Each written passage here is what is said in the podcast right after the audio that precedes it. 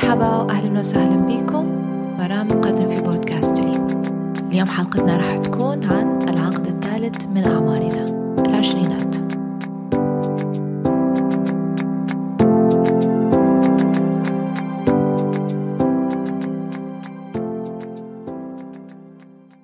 reaching 20, you have a lot of responsibilities. Maybe you get to know yourself better and know what you like. Because at 20, I guess you're still looking for what you like. Yeah, I'm 20 years old. Just 20 years old. Still so many obstacles, so much to accomplish, you know. Still, I'm scared now.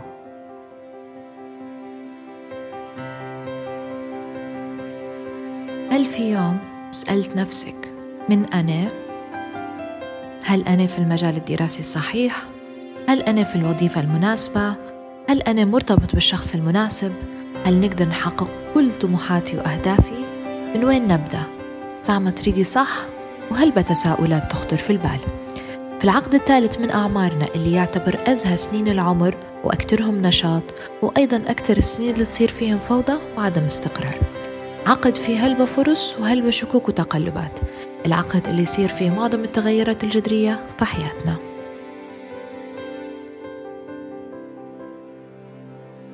في العشرينات تتخرج من الجامعة تخدم في أول وظيفة ليك تتعرف على شريك حياتك.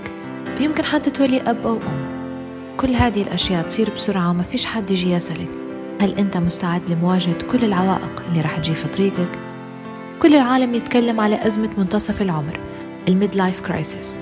لما تنجز كل شيء يكون عندك وظيفة منزل وأسرة وتحس كأنها معاش لحياتك معنى.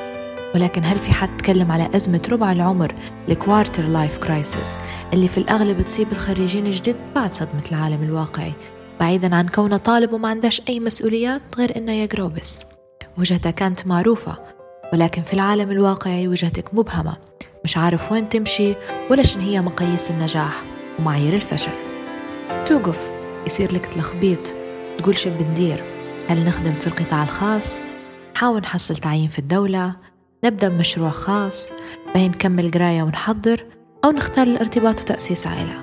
في هلبة خيارات مرات ما تكونش متوفرة ليك في وقت واحد ولكنها تشغل حيز من تفكيرك خاصة إن ما فيش من يقولك شنو تدير أو شنو الأنسب ليك.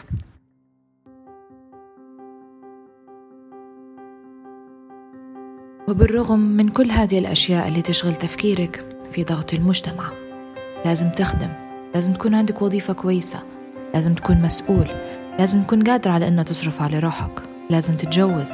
لازم تجيب صغار. المجتمع يحسس فينا وكأن خياراتنا وقراراتنا وظروفنا تحت مراقبته. تلقى إنهم مركزين معاك وكأن ما فيش غيرك. غيرك قاعد ما تخرجتش. غيرك قاعد ما خدمتش. غيرك ما تزوجتش. يحطوا فينا في ضغط إن لازم في فترة زمنية قصيرة نديروا هلبة حاجات نتخرجوا نخدموا نتجوزوا ونجيبوا صغار.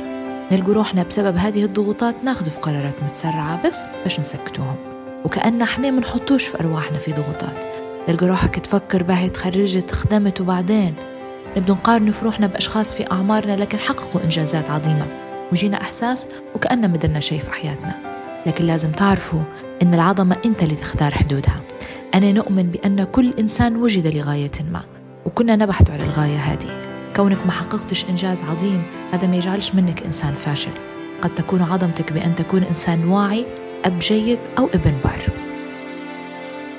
عمر العشرينات نطيح في هوس نظرة الناس لينا وحكم المجتمع علينا والشيء هذا مرات يضللنا على رغباتنا الحقيقية يخلينا نعيش في صراع بين الشيء اللي نبوه والشيء اللي المجتمع يفرض علينا. ولكن لازم نعرفه إن مهما ارتكبنا من أخطاء أو خدينا قرارات غلط نقدر نصلحوها ونتعلموا وإن كل تجربة درس لنا في الحياة. لازم ما نخافوش من الفشل والتعثر لكل واحد فينا توقيته الخاص. من النجاح الذكر الحسن والارتباط. عمر العشرينات أكثر عمر لازم نكونه فيه معارف وزملاء. أشخاص معرفتهم تفيدنا في حياتنا. كونوا علاقات توسع دائرة معارفنا حتى يكون عندنا إدراك بكيفية التعامل مع مختلف الشخصيات. النجاح رحلة وليست محطة. استمتعوا بعشريناتكم حتى لو طحتوا وتعثرتوا. أرجعوا أوقفوا تاني أقوى من الأول.